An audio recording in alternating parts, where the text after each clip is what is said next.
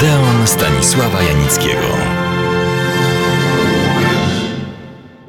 Kontynuuję dziś moją opowieść o Aleksandrze Śląskiej, jednej z najwybitniejszych polskich aktorek teatralnych, filmowych i radiowych. Choć ona ceniła najbardziej swoje role teatralne. Zacznę od zacytowania jej samej.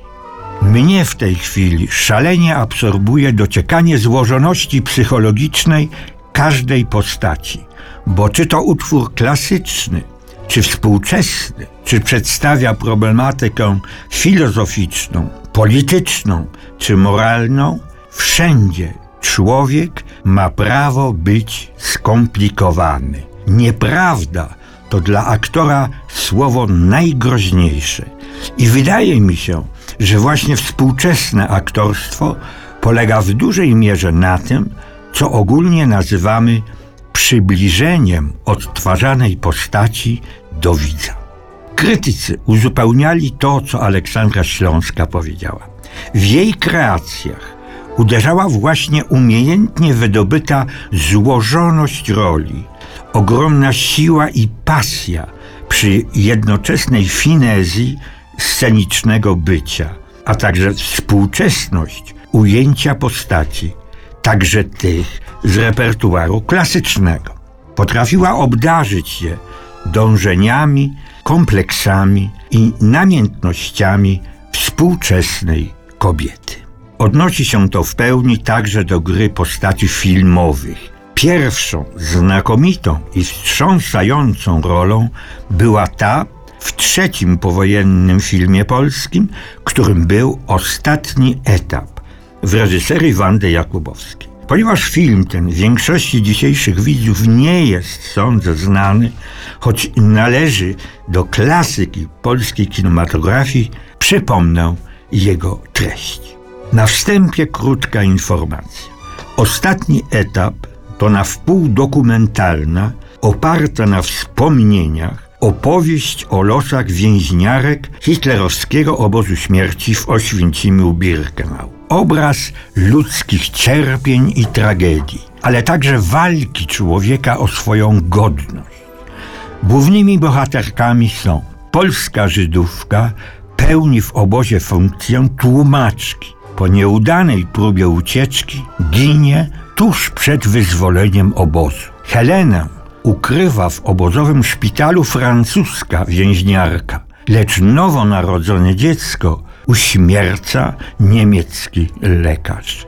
Eugenia, rosyjska lekarka, za pomoc udzielaną chorym i organizowanie oporu zostaje poddana torturom i stracona.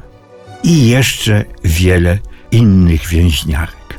Wśród hitlerowskich oprawców jest i sadystyczna Raportführerin i zbrodniczy lekarz oraz okrutna, bezwzględna, choć nie pozbawiona pewnych ludzkich cech Oberaufseherin. I tę, jakże trudną rolę gra Aleksandra Śląska. Krytycy i historycy pisali, Prawdziwą kreacją aktorską dała Aleksandra Śląska jako Oberaufseherin. Stworzyła ona postać Niemki z cech nie tylko przeciwstawnych, lecz pozornie wykluczających się delikatności i okrucieństwa, uroku i zimnej bezwzględności. Była to na owe lata odkrywcza interpretacja zbrodniczej funkcjonariuszki niemieckiego obozu. Pozostałe postacie Niemców nie wychodzą poza określony schemat. Drugim filmem, w którym Aleksandra Śląska grała jedną z głównych ról, był Dom na Pustkowiu Jana Repkowskiego według scenariusza Jarosława Iwiaszkiewicza.